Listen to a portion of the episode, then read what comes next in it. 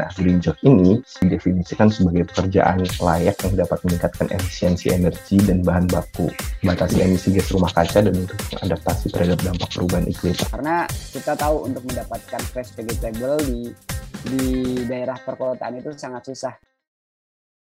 Selamat siang dan selamat datang di Teh Minar by Kren. Perkenalkan saya Sheila yang akan menjadi moderator untuk seminar hari ini sekaligus mewakili Kren Indonesia. Dan kali ini Kren melaksanakan seminar bertemakan Short Introduction to Green Jobs. Green Jobs adalah pekerjaan yang ramah lingkungan. Green Jobs juga bertujuan untuk mengurangi kerusakan lingkungan yang diakibatkan oleh sektor ekonomi.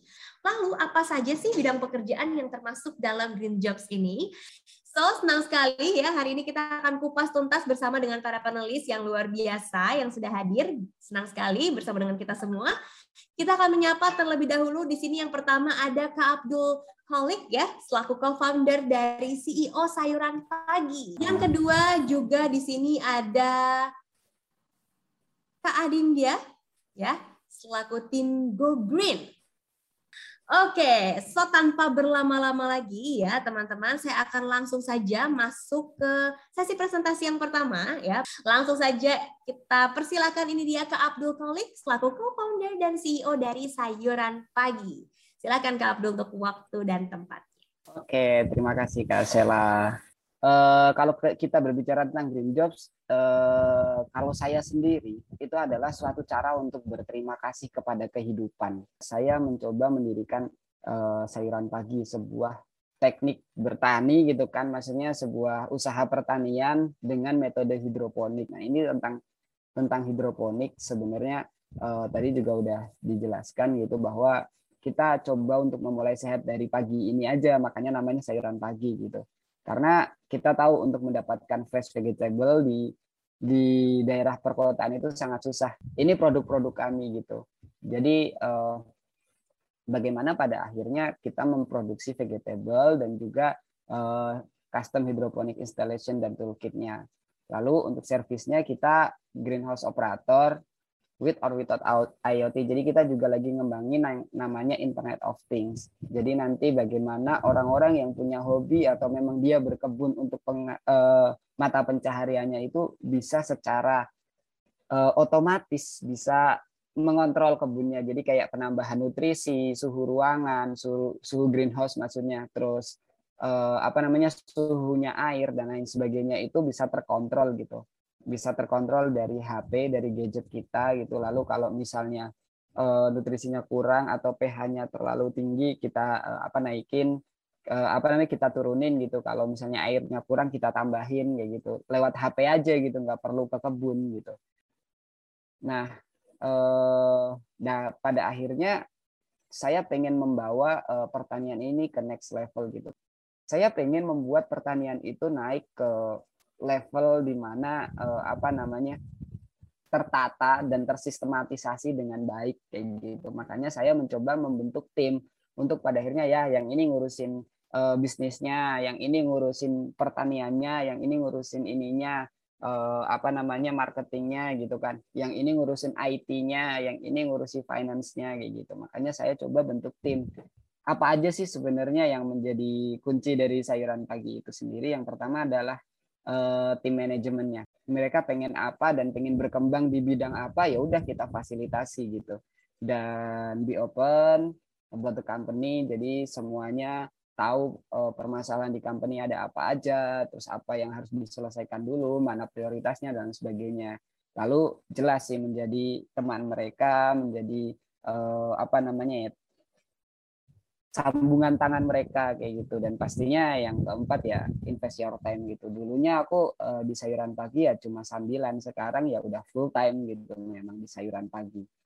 Nah dan sayuran pagi timsnya itu ada business developmentnya marketing farmer IT development finance dan research and development. Nah ini ya mungkin yang disebut green jobs ya walaupun ya dia mengerjakan business development marketing farmer atau IT development semuanya selalu berhubungan dengan tanaman bagaimana uh, pada akhirnya kita membuat lingkungan bisa menjadi lebih enak dilihat terus uh, apa namanya lebih sehat juga Nah, time manajemennya ya flexi time sih pasti karena nggak mungkin di kebun siang-siang gitu kan di kebun pasti pagi dan sore makanya siangnya mereka istirahat. Nah, terus take notes untuk segala hal yang terjadi kayak gitu kan. Terus ngeset timeline untuk melakukan sesuatu hal di mana pun dan maintain small small progress ini jelas banget karena eh, apa namanya ketika kita bekerja di sektor pertanian itu ya nanti ada di salah satu challenge-nya itu long validation interval kayak gitu. Jadi kayak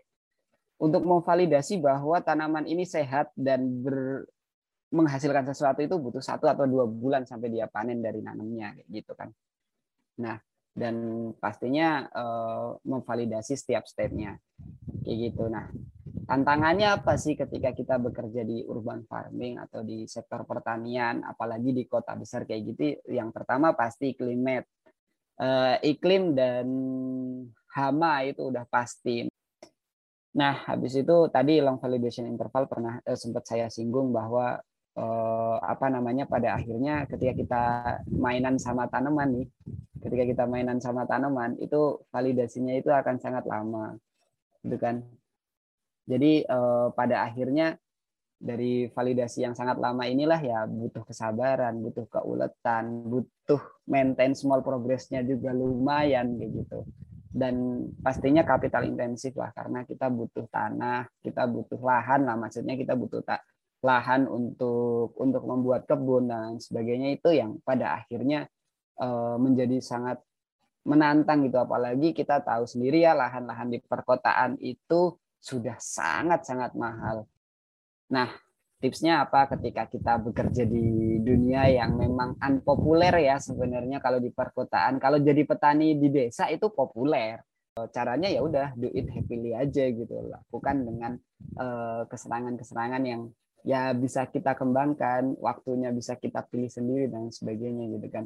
Oh iya, dan kenapa hidroponik? Satu, karena lebih bersih. Yang kedua, kita pernah cek di lab di laboratorium teknik kimia di UI juga itu uh, kandungan kandungan apa namanya kandungan vitamin C dari bayam hidroponik itu dua kali lipat uh, daripada bayam yang biasa gitu.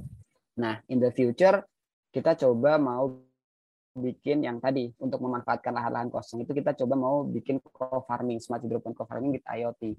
Nah dengan adanya IoT di kebun-kebun mitra kita, kebun-kebun co-farmer kita, kita pengen pada akhirnya uh, semua sayuran itu standar kayak gitu kan. Semua sayuran itu standar sesuai dengan uh, standarnya uh, tim dari farmernya sayuran pagi seperti itu.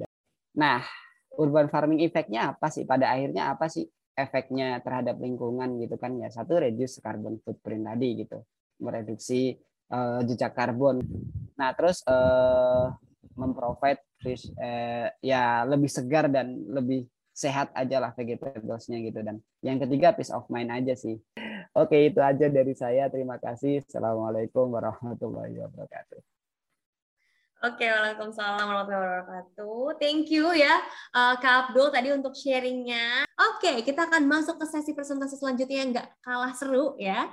So langsung saja kita panggil ini dia Kak Krisma, Tin Go Green. Silakan Kak Krisma untuk waktu dan tempatnya. Oke, terima kasih. Ya, di sini saya sebenarnya bakalan sharing aja terkait gimana sih sebenarnya green jobs itu tadi Oke, okay, jadi uh, green jobs ini sebenarnya apa sih kayak gimana sih? Nah, kalau Krisma pribadi memaknai green jobs ini sebagai sebuah peluang nih untuk masa depan bumi dan diri ini. Nah, jadi sebelum kita tahu dan ngebahas lebih lanjut mengenai green jobs itu sebenarnya kayak gimana, kita harus tahu dulu sebenarnya gimana sih kondisi bumi kita itu. Nah, pada tahun 2020 kemarin kita sering banget ngedengar uh, berita terkait kebakaran hutan kayak yang di Amazon, kemudian deforestasi di Argentina dan kebakaran hutan di California. Nah, jika kondisi kebakaran hutan dan deforestasi ini terus berlanjut, itu itu bumi kita itu nggak akan bertahan lama gitu. Nah, pada tahun 2019 Indonesia itu menempati posisi ketiga nih dari total jumlah kehilangan hutan primernya. Nah, maka dari itu karena kita udah ngerasain banyak banget, akhirnya muncul mulai muncul nih kayak inovasi-inovasi baru di bidang pekerjaan hijau atau yang biasa kita kenal dengan istilah green jobs kayak gitu. Muncullah sebuah uh, tren yang namanya itu green job. Nah, green job ini dari ILO itu didefinisikan sebagai pekerjaan layak yang dapat meningkatkan efisiensi energi dan bahan baku, batasi emisi gas rumah kaca dan untuk adaptasi terhadap dampak perubahan iklim. Nah, pada level industri atau perusahaan, green jobs ini dapat dihasilkan barang atau penyedia jasa yang bermanfaat bagi lingkungan. Nah, sebenarnya apa sih yang masuk dalam green jobs itu? Nah, teman-teman bisa lihat nih di lingkaran ini ya Nah, di lingkaran itu, untuk lingkaran yang berwarna hijau itu uh, merupakan pekerjaan dalam produksi yang keluarannya itu ramah lingkungan gitu. Untuk keluaran lingkungan. Kemudian untuk yang berwarna kuning ini itu merupakan pekerjaan yang prosesnya itu berkaitan dengan lingkungan. Dan merah ini merupakan pekerjaan yang layak. Nah, sebenarnya yang dinamakan green jobs itu yang mana sih? Yang dinamakan green jobs itu bukan yang uh, daerah yang diarsir nih. Jadi cuma segini doang. Kayak gitu. Nah, sedangkan daerah putih yang di sini itu merupakan pekerjaan non hijau atau pekerjaan di sek di luar sektor lingkungan gitu ya. Bidang yang diarsir ini merupakan green jobs dan bidang yang di luar ini itu nggak termasuk green jobs. Kenapa? Kayak misalkan yang di bidang hijau dan bidang kuning ini mungkin mereka bisa dianggap ramah ramah lingkungan gitu ya.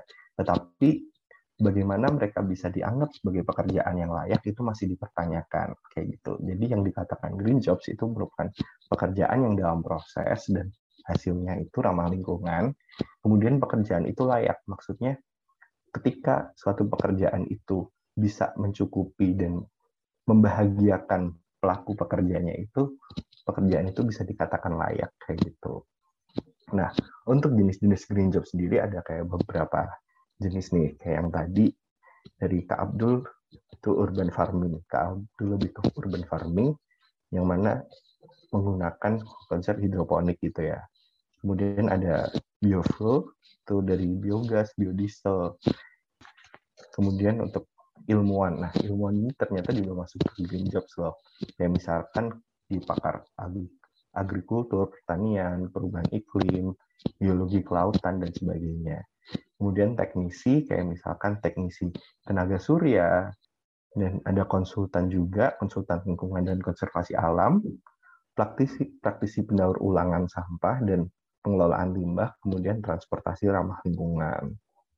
Nah di Indonesia sendiri sebenarnya udah banyak green jobs yang udah mulai aktif ya yang udah mulai tersebar kayak misalkan fashion designer nah fashion designer ini kenapa bisa masuk green jobs dia merupakan uh, fashion designer yang lebih memilih untuk membuat yang namanya slow fashion gitu.